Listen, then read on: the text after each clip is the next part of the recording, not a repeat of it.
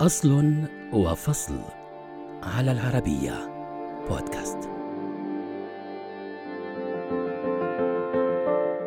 يقال إن التجارة مهنة تحتمل الربح أو الخسارة، فلكل سلعة ثمن قد يزيد أو ينقص وفقاً لعوامل ومعطيات كثيرة. لكن ماذا لو كانت هذه السلعة هي النقود؟ تشتري النقود ثم تبيع النقود وتحصل على هامش ربحي جيد. هذا ما يجعلك فعلياً جزءاً من عالم البنوك، فكيف نشأت المصارف؟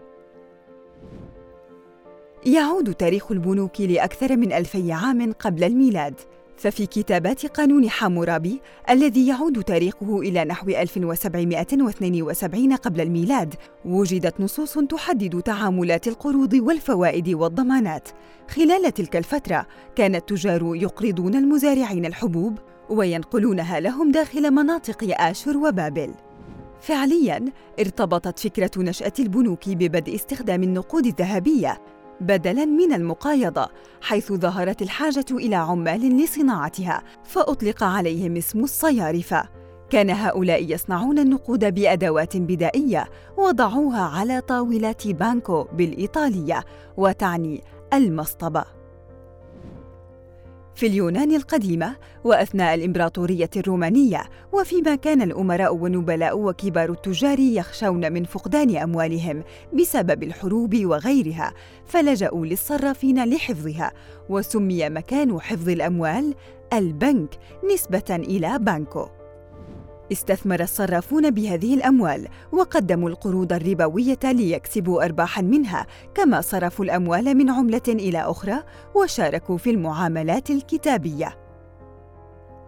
مع انهيار الإمبراطورية الرومانية تراجعت التجارة واختفت البنوك مؤقتاً. لكن في عام 1150 ظهر لأول مرة نظام مالي من خلال تنظيم الفرسان التابع للرهبان في القدس. وما ساعد التنظيم أنه كان قادرا على حماية الأموال لسيطرته على طرق التجارة والحج وأن له فروعا في مدن مختلفة. تقوم فكرته على تنظيم حفظ الأموال مقابل صك مالي يمكن صاحبه من استعادة أمواله من أي فرع للتنظيم بمجرد إظهار الوثيقة المالية. سيطر الفرسان على شبكة اقتصادية ضخمة عابرة للحدود، وأصبحوا أكبر المقرضين لملوك أوروبا، ما دفع السلطات الملكية لكبح هذا النفوذ، وتم اعتقال العديد من الفرسان، وتعرضوا للتعذيب والقتل. منذ القرن الثاني عشر والأعمال المصرفية تتوسع في أوروبا وظهرت أشكال مختلفة منها. ففي القرن السابع عشر ادخر الناس أموالهم لدى تجار الذهب الذين حصلوا على معدل فائدة مرتفع كما دفعوا الفائدة للمدخرين لديهم. مع بداية القرن العشرين اندمجت العديد من البنوك وسيطرت البنوك البريطانية الكبيرة على سوق المصارف إلى أن تم تأسيس البنك الدولي في عام 1946 وبعدها شهد العالم انتشاراً كبيراً للبنوك.